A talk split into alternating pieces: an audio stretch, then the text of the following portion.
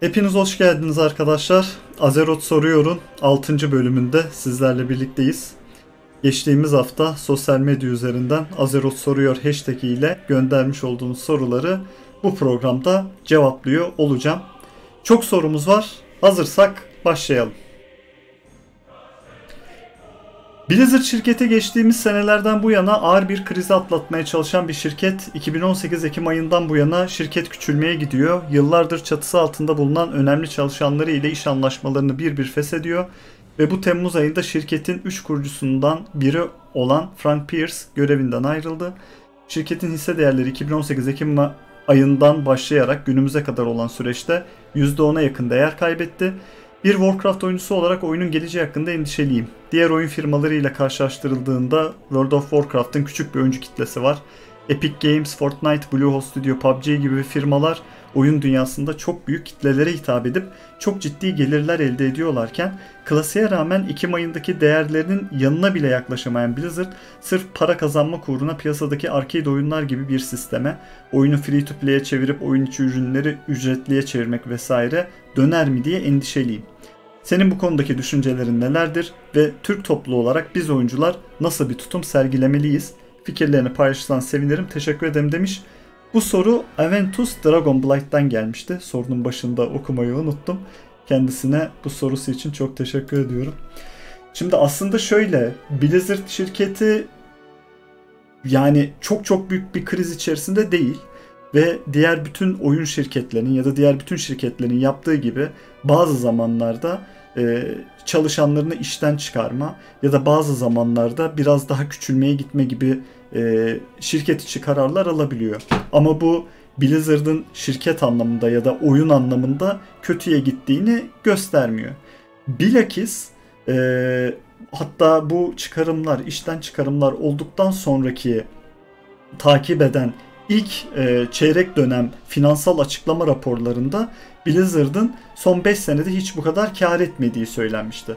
World of Warcraft özelinde değil belki ama e, diğer oyunlarında e, Hearthstone'da özellikle e, çok daha büyük karlar elde ettiğinden bahsetmişti.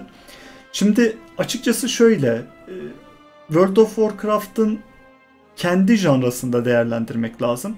Hiçbir MMORPG oyunu World of Warcraft gibi şu an aylık ücretle değil ve e, hala milyonlarca oyuncusu olan bir oyundan bahsediyoruz ve bu oyunu aylık ücretle oynayan bir oyuncu topluluğundan bahsediyoruz. O yüzden yakın bir tarihte ben oyunun free to play'e döneceğini zannetmiyorum. Yani açıkçası böyle bir durum söz konusu. Diğer rakipleri free to play ile başlayıp oyuncu kazanmaya çalıştıklarında bile WoW'un karşısında duramıyorlar.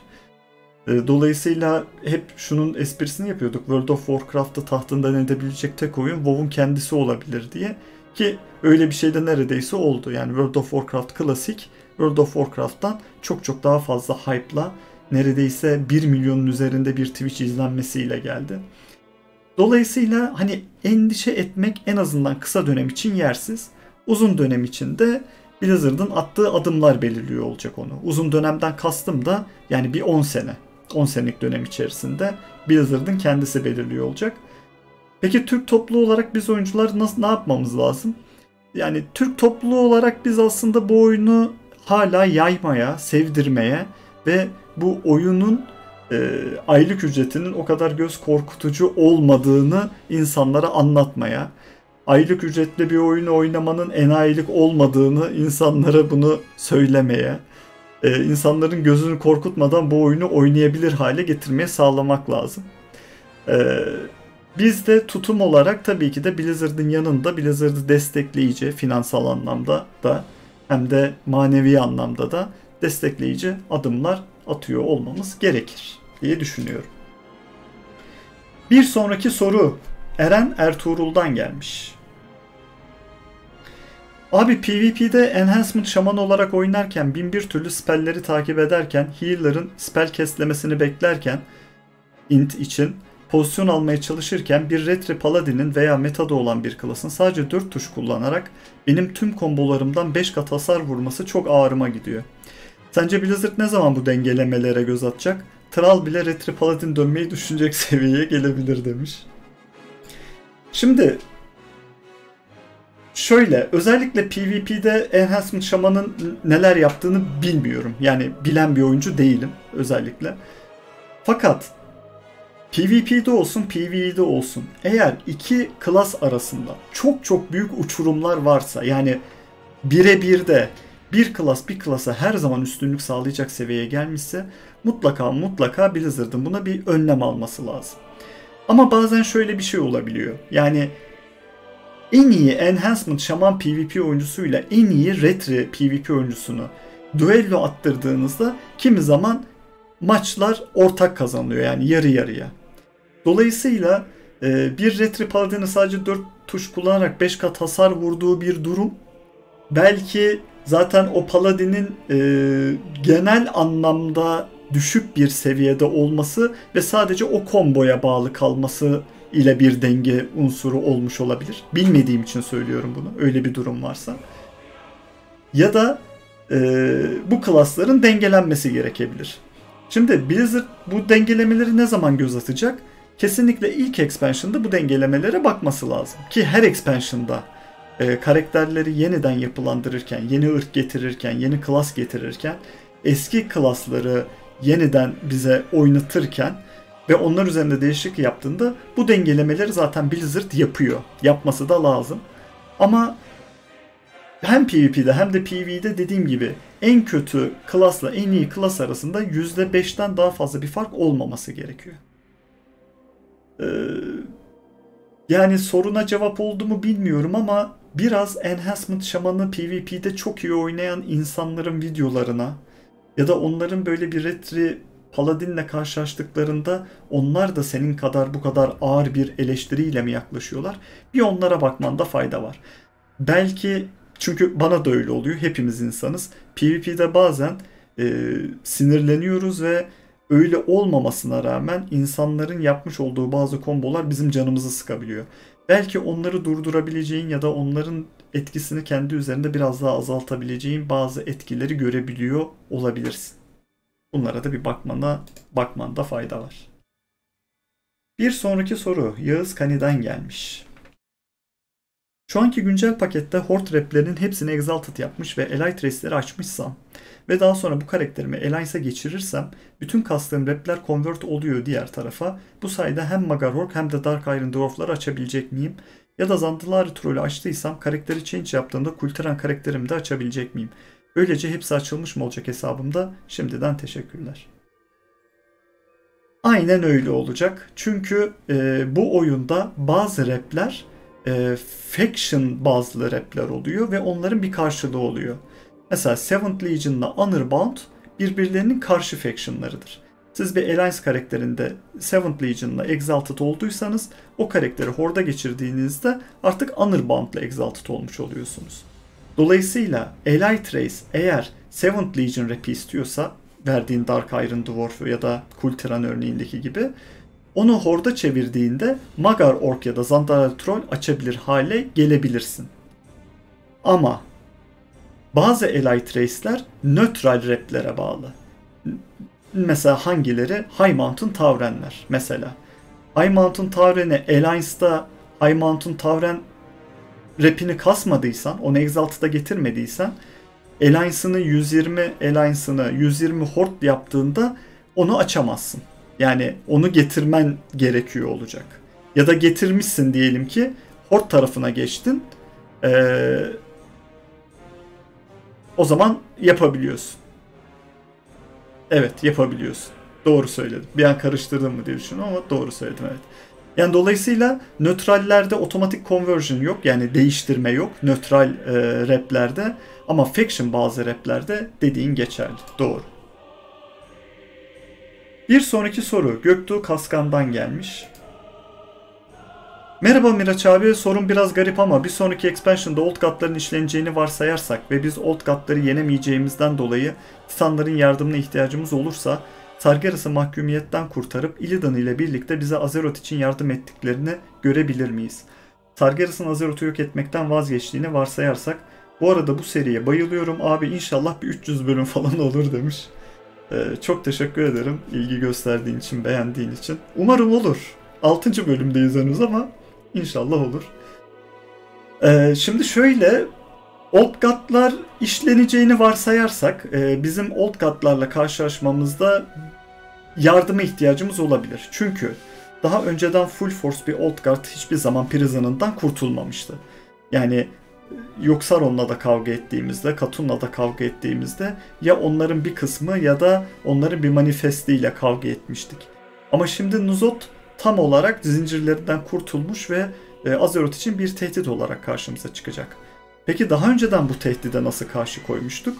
Titanların yanındaki Titan Keeper'lar ve Titan yapımı ırkların e, savaşmasıyla, onların birlikteliğiyle kurtulmuştuk. Dolayısıyla yani burada şöyle bir anlam çıkıyor. Titanların kendilerine ihtiyaç duymayabiliriz. Yani Titan Keeper'lar bize yardımcı olup biz gene Old God'ları yenebilir hale gelebiliriz. Ama bu hikaye anlatımı biraz eskide kaldığı için ve Titanlar artık bizim daha da gözümüzün önünde ve daha çok istediğimiz bir şey olduğu için e, tabii ki neden olmasın. Özellikle Illidan'ın Titanların yanında kalması onun daha sonradan hikayeye katıldığında mutlaka Titanlarla birlikte geliyor olmasına sebebiyet verecek. Ve şu an onlar bence Sargeras'ın bu Twisting Nether'a geçmesi ve işte Demon'ların başına geçmesi ve bu Burning Crusade'i kurmasının yankıları üzerinden baya bir sohbet etmişlerdir. Void Lord tehlikesini çok çok iyi anlamışlardır. Ee, her bir tehlikeyi ciddiye alacaktır bütün Pantheon. Dolayısıyla yardım ettiklerini tabii ki de görebiliriz. Böyle bir hikaye işlenirse e, bu hikayeyi görebilmemiz hani işten bile değil. Bir sonraki soru Batu sormuş. Bu uzun bir soruydu arkadaşlar. Ben biraz kısalttım çünkü sığmayacaktı yani. Ama bu kadarını kısaltabildim. Selamlar. Geçenlerde yayınlarında da söz ettim. Vanilla tipi retail. Aklımdaki olası senaryo şudur. Azeroth uyanır, gezegen yok olur. Azeroth diğer titanların da düşündüğü gibi kurtarıcı bir titan olarak doğmuştur. Barışı sağlar mı yoksa hiç oralıklı olmayıp başka dünyalara mı gider bilinmez. Ama tüm bu sürecin ardından biz yeni gezegene geçtiğimizde işte asıl olası vanilla uyarlaması fikrim buradadır. Nasıl klasikte 4K HP'lerle 5K HP'lerle ayaktayız, nasıl birden 60'a kasmak oldukça zor ve zahmetli ve haritalar geniş, bize bu hissiyatı vermek için sahip olduğumuz dünyamız Azeroth yok olmuş ve biz onu güzel bir anı olarak hatırlayıp tabii ki birden 120'ye Leveling'de görüp ama daha sonrasında level'ların sıfırlanıp ama zorluğun değişip aynı Diablo 3 gibi olabilmesi gibi bir komplo teorim var. Sen ne düşünüyorsun? Yani evet olabilir. Ee, özellikle oyunda bize şu söylendi. Level squish yapılacak. Yani 120 artık çok fazla oldu. Onu indirmek istiyorlar yeniden. Dolayısıyla onu yeniden indirirken bunu hikayeyle yedirmeleri e, çok çok güzel olabilir. E, ve ellerinde çok büyük bir manevra alanı var. Bu hikayeyi nasıl anlatacaklarına dair. Yani nasıl bizim bu birden 60'a ya da level 120'den 60'a düşürecekler. Onu sunmak açısından güzel olabilir. E, dediklerin mantıklı fakat ben Azeroth'un hemen uyanıp ve gezegenin yok olup bizim başka bir gezegene geçme e, ihtimalimizdense bu leak'i yapılan aynı gezegen üzerinde Shadowlands yani bizim realm değiştirmemiz. Farklı bir gezegen üzerinde yani bulunduğumuz fiziksel evrende farklı bir gezegene gitmektense bulunduğumuz gezegen üzerinde farklı bir realme geçmemiz daha olası gözüküyor. Ee, yani Shadowlands üzerinden konuşuyor olursak. Ee, tabii Shadowlands'in haritalarında çok çok farklı şeyler var. Yani hiç bizim Azeroth'a benzemiyor ama e,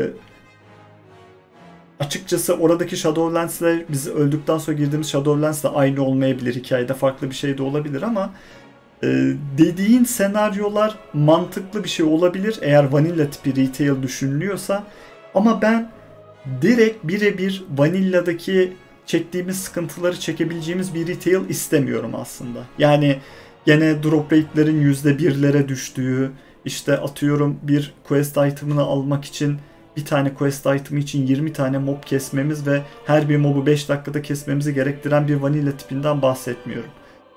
Ee, oradaki bu oyunu oynatabilecek güzellikleri yani e, belki leveling'deki ödüllendirme sistemi, belki talent sistemi, belki e, her bir seviyede ya almış olduğumuz itemların seviyelerini de düşünürerek güzel bir item aldığımızda gerçekten ona sevineceğimiz bir başarı hissiyatı. Bunlardı benim konum. Dolayısıyla hani birebir bir vanilla şeyi birden 60'a kasmak ve o zorlukta kasmak öyle bir şey zaten hani olmasını da açıkçası istemiyorum ama hikaye anlamında buna benzer bir şeyler evet olabilir. Eğer yeni baştan bir şeyler yapmak isterlerse. Bir sonraki soruyu Çağrı Ulutürk sormuş. Selamlar Exolinas. Biraz önce bir platformda Groma Scream yarı tanrı olan senaryosuyla vs atmış ve onu ikiye bölmüştür şeklinde bir paylaşım gördüm. Konunun detayları ve neden hakkında biraz bilgi verebilir misin? Ee, tabii şimdi konunun aslında şöyle yani tabii ikiye bölmüş birazcık yani abartı olmuş diyeceğim ama yani evet senaryosla savaşıldı ve senaryosu öldürüldü. E, olay şu, e, İkinci Savaş döneminden sonra Tral ve e, Ork birlikleri Kalimdor'a doğru giderlerken bu Burning Legion istilasına karşı koyarlarken e, Tral'ın birlikleri e, deniz yoluyla Kalimdor'a geçerlerken Warsong ve Groma Shellscream'in birlikleri ondan önce vardılar oraya. Ve dolayısıyla oraya gittiklerinde önce bir insanlarla e, karşılaştılar ve insanlarla savaşmaya başladılar. Ve daha sonra o insanlarla savaşı bitirme noktasına yakınlarken e, Tral gelince Tral'ı Stone Mountains'ın hemen güneyinde başka insan birlikleri ve orduları olduğunu ve başlarında bir kadının yani Jaina Proudmoore'dan bahsediyor. Onun olduğu bilgisini verdi Gromash. Ve daha sonra kendisi de Warsong e, klanı, orklarını yerleştirebilmek için Ashenvale'e doğru hareket etti. Ashenvale'e doğru hareket ettikten sonra orada e, Warsong yerleşkesini kurmak için oradaki ağaçları kesmesi vesaire bu sefer Night Elf'lerin e, tepkisini çekti ve onların sentinelleriyle önce karşılaştı ve daha sonradan da Senarius gözüktü onlara yardım etmek için. Senarius tabii şeyi biliyordu. Bunların e, ork kanı içtiklerini, onu kabul ettiklerini, şey ork kanı diyorum, demon kanı içtiklerini ve e, damarlarında o demon kanının aktığını biliyordu. Dolayısıyla onların hepsinin ortadan kaldırılması gereken bir ırk olarak görüyordu. Fakat Groma Scream bunu defalarca söylemeye çalıştı. Biz artık orkların, e, demonların himayesi altında değiliz. Biz kendi kararlarımızı kendimiz alıyoruz diye. Fakat tabi Senaryus bir demigod ve dolayısıyla eğer Senaryus onları bir savaş açıyor olursa bütün Warsong klanını Groma Scream'de dahil temizlerdi. Fakat daha sonradan bu Ashen Vale'ın içerisinde Manarot olayların buraya kadar gidebileceğini öngörerek kendisi bir tane daha kendi kanından oluşan bir çeşme bırakmış. Ve dolayısıyla Groma Shellscream o çeşmeyi gördüğünde biliyor ki senaryosu yenmenin tek yolu bu kanı gene kabul etmek ve gene içmek. Aynen e, daha önceden şeyde yapıldığı gibi. Tabi e, yanındaki diğer Warsong askerleri ama biz bu böyle bir şey yaparsak Tral'ın emrinin dışına çıkmış oluruz. Tral böyle bir şey yapmamızı istemez. E, Frostwolf klanının şefi olarak e, diyor ve bazıları bunu kabul etmiyor. Fakat Groma Shellscream aynı Draenor'da yaptığı gibi gene ilk kendisi o kanı alıyor ve diğerlerine veriyor. Artık bunun bir önemi yok. Eğer biz orklar bu diyarlarda ayakta kalacaksak bu düşmana karşı savaş vermemiz gerekiyor diyor. Ve o ikinci kere içmiş oldukları e, Demon kanıyla birlikte Senarius'a karşı savaşıyorlar. E, Groma Shellscream arkadaşlar tek başına Senarius'u alt etmiyor. Yani böyle bir şey yok. E, birebir yok. İllüstrasyonlarda hep bir birebir fight gözüküyor ama hani teke tek de Senarius'u almış değil. Bütün o ork kanını kabul etmiş orklar etrafını sararak Senarius'u indiriyorlar aşağı. Gromash liderleri olarak ve e, evet öldürüyorlar. Ve daha sonradan da arkadaşlar Manarot aslında senaryosu da bir Arkimond'un oraya gelmesi ve şey için bir tehdit olarak görüyordu. Orkları ikinci kez kullanmış oluyor ve bunu hazmedemiyor Groma Shellscream'de. O ünlü bildiğiniz Warcraft 3'teki sinematik daha sonradan Manarot'la karşılaşması ve kendini feda etmesi. Orkların kurtuluşu için. Evet, bir sonraki soruya geçelim. Volkan Tan Yıldız sormuş. Selamlar abi yine ben bu aralar kaybolmuş bir karakteri almak istiyorum. Kadgar'ı yani. Blizzard'daki story yazan arkadaşları merak ediyorum neden böyle yapıyorlar. Kralı emeklilikten sonra köye yerleşen amca yaptılar. Sonra Jaina ile Malgor'da gördük. Khadgar Legion'da acayip şeyler yaptı keza Vot'ta da. Ama sonra etkisi yine yok denecek derecede aza indirildi. Sence bu tembel kalem işi mi yoksa bilerek yapılan bir şey mi? Oynayanların kafa yorması teoriler geliştirmesi için gibi. Yorumunu ve teorini duymak isterim. Kolay gelsin, iyi yayınlar abim demiş. Çok teşekkür ediyorum. Şimdi şöyle Blizzard yani bir kere bu şey değil yani tembel kalem işi değil. Ee, Blizzard hikayeye katacağı karakterlerin hangisi olması gerektiğini e, biraz inceleyip sık dokuyor. E, bu dünyada çok çok fazla geniş kahramanlar var, çok çok fazla geniş karakterler var. Hepsi birbirinden değerli, hepsi birbirinden iyi. Ve bu karakterlerin bazılarını bazı expansionlarda daha öne çıkartırken bazı karakterleri biraz geride tutuyorlar. Şimdi fark ettiyseniz Battle for Azeroth biraz böyle Saurfang'in daha çok ön planda olduğu bir karakter olmuş oldu hikaye anlatımlarında da. Yani Before the Storm kitabından tutun e, Battle for Azeroth'un ilk sinematiği ile birlikte diğer iki CGI sinematiğinde de Saurfang başroldeydi. E, ve oyunun genel hikayesi anlamında da o önde götürüyor. Peki neden Khadgar götürmüyor? Khadgar'da bundan önceki iki expansion'da o expansion'ların önemli karakteriydi. Mesela ilk nerede gördük? Senin de dediğin gibi Warlords of Draenor'da gördük. E neden Warlords of Draenor'da Khadgar'ı görüyoruz? Çünkü biliyorsunuz birinci savaş döneminden sonra ikinci savaş dönemine giderken o e, Sun, Sons of Lothar denen beşli grup Draenor'a gidip de portalı içeriden kapatan grubun üyelerinden biriydi kendisi Khadgar. E, Burning Crusade ek paketinde onu Shatrat'ta buluyorduk mesela. Bir Warlords of Draenor paketinde bize yardımcı olması için Khadgar'dan daha iyi bir seçeneğimiz olmayabilirdi. Orayı iyi tanıyan vesaire. E peki neden Legion'da gene Khadgar yanımızdaydı? Çünkü bu sefer Pillars of Creation e, yaratılış sütunları ile ilgili bir bilgiye ihtiyacımız oldu ve o bilgiyi e, Medivh'in eski defterlerinden, Karazan'daki kütüphanelerden elde edebildik. Yani her bir hero'nun her bir expansion'daki e, rolüne göre ve onun hikayesine göre ön plana çıkıyor. Ama Battle for Azeroth'ta artık Alliance ile Horde birbirine girdi. E Khadgar biliyorsunuz zaten Azeroth'u savunan ve e, ve yani faction savaşlarıyla hiç işi olmayan bir karakter. O geri plana alındı. Dolayısıyla önümüzde de böyle şeyler olacak. Önümüzdeki günlerde de, önümüzdeki expansionlarda da o expansion için hangi hero'nun ön planda olması uygun olursa o ön plana geçmiş olacak. Yani bundan sonraki mesela atıyorum bir expansion Shadowlands için olursa Sylvanas'ı ön planda görmemiz daha mantıklı olacak. Ama bir Dragon Eyes gibi bir şeye gidiyorsak Ration'u bu sefer ön planda göreceğiz. Mist of Pandaria'da gördüğümüz gibi. Evet, bir sonraki soru Osman Yalçın'dan gelmiş. Öncelikle selamun aleyküm. Kolay gelsin abi. Şimdiki sorun Warcraft Türkçe içerikler paylaşmaya başlıyor. Amaçları oyuncu çekmek biliyoruz ama sadece konu olarak mı Türkçe yapacaklar yoksa dil de mi Türkçe yapacak? Şimdiden teşekkür ederim. Yani bunun sorusunun cevabını ben verebilecek durumda değilim. Ama şunu iyi hissetmeye başladık. Daha önce hiç olmadığı kadar Blizzard, e, World of War yani Blizzard'ın GM'leri de buna dahil olmak üzere e, Türkiye ile ve e, Türk oyuncularıyla yakinen ilgilenmeye başladılar. Genelde bu expansion başlarında ve işte ne bileyim hype'lı dönemlerde biraz daha artıyor olabilir insanları oyuna çekebilmek için reklam e, açısından da. E, ama yani böyle şeyleri en azından Türk oyuncular için görüyor olmak e, güzel. Aynı zamanda Türkçe reklamlar işte benim e, Blizzard tarafından e, launcher'a alınmam ve e, insanlarla daha fazla insana ulaşabilecek şekilde community ve içerik üreticilerinin birleşmesi bunlar güzel şeyler.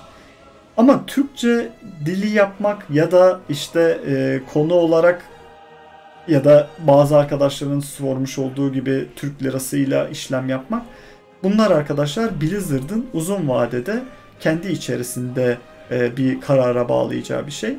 Ama şu anki haliyle bizim biraz daha güçlü, biraz daha komünite olarak bir arada biraz daha sayıca fazla olmamız gerekiyor. Ee, dediğim gibi yani Türkçe lokalizasyon çok büyük bir emek isteyen bir şey. Çok büyük bir maliyeti olan bir şey. Yani Türkiye'de ofislerini açmaktan tut, oyunun bütün seslendirmeleri ve çağrı merkezlerinin telefonla aradığınızda Türkçe cevap verecek şekilde donanımlı olmaları da dahil olmak üzere lokalizasyon maliyeti yüksek. Dolayısıyla biz oyuncular için de yapmamız gereken şey dediğim gibi e, kitlemizi genişletmek ve e, GM'leri yapmış oldukları bu paylaşımlarla e, daha da çok desteklemek community manager'ları. Bir sonraki soru Varian Rin'den gelmiş. Selamlar abi. Blizzard hikaye anlatımını Warcraft 3'ten WoW'a geçirdiğinde iki oyun arasında hikaye bakımından yırtık sayfalar oluşmuyor mu? Mesela Warcraft 3'te Night Elf'ler ve insanlar müttefik değildi ama 2004'te WoW çıktığında Night Elf'lerle Human'ları aynı tarafta gördük. Aynı şekilde Undead'ler de Horde tarafında değildi. Vanilla sinematiğinde sadece 4 yıl geçtiğinden bahsediyor fakat Stormwind'in, Ogrimar'ın ve diğer ırk başkentlerinin kuruluşu vesaire hikayede yer almamış oluyor. Sence de WoW'a tam olarak Warcraft 3'ün bittiği yerden başlasaydık güzel olmaz mıydı? Şimdi soru ve soruda verdiğin örnekler birbiriyle çelişiyor biraz. Ee, yani mesela Stormwind zaten kuruluydu. Warcraft 1'den 2'den itibaren e, yıkılıp yeniden yapıldıktan sonra bile e, Stormwind vardı. E, Ogrimmar Warcraft 3'te kuruldu. Thrall, Chainstorm Stout, e, Rexar ve e, Rokan'la birlikte. Yani bunlar zaten önceden kurulmuştu. Ama dediğin yani örnekler yanlış olmuş ama e, 4 yıl geçmeden direkt başlasaydı güzel olmaz mıydı? Dediğin kısımda da şunu söylemek istiyorum. E, oyun en son expansion'ını Warcraft 3 için yanlış hatırlamıyorsam 2003 yılında çıktı. Frozen Throne. Ya da 2002'de çıktı 2003'e mi sarktı öyle bir şey olması lazım. 2004 yılında da WoW geldi. Dolayısıyla bunun arasında geçen süre hani şu an bizim normalde bir yıl sayımı yapıyoruz ya hep işte her expansion bir buçuk yıl iki yıl atıyor. Anduin'in yaşını öyle hesaplıyoruz mesela. Ee, orada o 4 2 yılı aslında 4 yıla çekmişler. Oradaki çekmelerindeki amaç da işte o klas dengesi, ırk dengesini oturtabilmek için oyunda olan şeylerin e, hikaye bazında anlatımını sağlayabilmek. Tabii ki de bunu yaptıktan sonra bazı kitaplar çıkardılar. Aynen mesela e, Legion'la Battle for Azeroth arasında çıkmış olan Before the Storm kitabı gibi. Warlords of Draenor'la Legion arasında çıkan Illidan kitabı gibi. Mist of Pandaria ile Warlords of Draenor arasında çıkan e, War Crimes kitabı gibi. Bu kitaplar aslında bizim oyunda görmediğimiz hikayeleri de birleştiriyor. Dolayısıyla bizim işte mesela e, şeyin uykusundan uyanışı e, Storm Rage kitabında geçiyor bu. Malfurion'un mesela Emerald Dream'de uyanışı vesaire. Bu dönemlere ait bazı hikayeler o kitaplarda zaten yerini alıyor. Ama biz oyunda Night Elf'lerin mesela şunu söyleyebilirsin. Ya keşke tamam 4 yıl önceden başlıyor olsun ama atıyorum Night Elf'lerin ve Undead'leri ilk seçtiğimizde onların Horda ve Alliance'a katılma quest zincirini oynayarak yapsaydık bu çok güzel bir fikir olurdu. Evet. Ama e, bence oyunun tam bittiği yerden başlaması da bir progres hissiyatı ya da yeni bir şey oynuyormuş hissiyatı verdirmeyecekti. Ki bazı oyunlar, bazı evrenlerin bazı oyunları biliyorsunuz bir 100 yıl sonrasını konu alır, 100 yıl öncesini konu alır. Bu 4 yıl çok çok da büyük bir şey değil yani bizim için dert değil diye düşünüyorum. Bir sonraki soru Yusuf K'dan gelmiş. WoW Class'in hikayesi BFA'dan ne kadar farklı? Yani BFA'da Prenses Aşağıra ve Nagalar için bir hari... Queen Aşağıra yani Kraliçe Aşağıra diyelim ona ve Nagalar için bir harita, hikayedeki yeni harita denizin altındaki varken klasikte hikaye ne durumda? Sonuçta hikaye önemli bir şey. WoW'u WoW yapan şeylerden biri hikaye. Ee, evet, klasik hikayesi dediğimiz gibi 3. savaş dönemi bittikten ve işte her şey süt liman olduktan 4 sene sonrasını konu alıyor. Dolayısıyla onunla ilgili benim tamamen anlatmış olduğum bir Azeroth sohbetleri var. World of Warcraft klasının hikaye dönemiyle ilgili. O dönemde neler olmuş onunla ilgili. Fakat e, şöyle bir şey yok. Yani bu sorunun üzerine ben bunu bir daha hatırlatayım. Hani klasiğin hikayesini şu anki retail'in hikayesine örtüştürmeye çalışmayın. Hani geçmişte geri mi gittik, işte bir şey mi oldu, bir şey mi sıfırlandı, bir portaldan mı geçtik? Hiçbir şekilde hikayeyle bağlı değil. Biz sadece gameplay anlamında 15 e, sene öncesinde oynuyoruz WoW'u. Bir sonraki soru Tugay Öztürk'ten gelmiş. Öncelikle merhaba abi. Sylvanas'ın geleceğini nasıl görüyorsun? Çok sevilen bir karakter olduğu için Blizzard'ın harcayacağını düşünmüyorum ama şu anki ek pakette oldukça kötü işler peşinde. Ee, Sylvanas'ın geleceğiyle ilgili Blizzard bir açıklama yaptı. Bir uzak doğuda yapılmış olan bir konferansta sessiz sedasız bir açıklama yaptılar ve dediler ki BFA'nın sonunda Sylvanas ölmeyecek. Biz de dedik oh derin nefes aldık. Çünkü benim yapmış olduğum spekülasyonlardan biri e, dediğim gibi her bir patch bir e, bu expansion'ın başında anlatılan Warbringers'a e, kahramanlarından biri olacak. 8.1'de Jaina, 8.2'de Atshara, 8.3'te de Sylvanas boss olarak karşımıza çıkacak diyordum. Ama öldürülmeyecek deyince bir sevindik.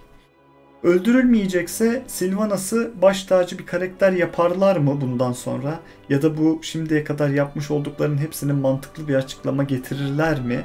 Ya da insanları empati yapabilecek bir yere sevk ederler mi bilmiyorum. Çünkü artık o raddeyeden çok çok uzaklaştı Blizzard. Yani şu an Sylvanas baya baya kötü karakter konumunda bizim gözümüzde. Yani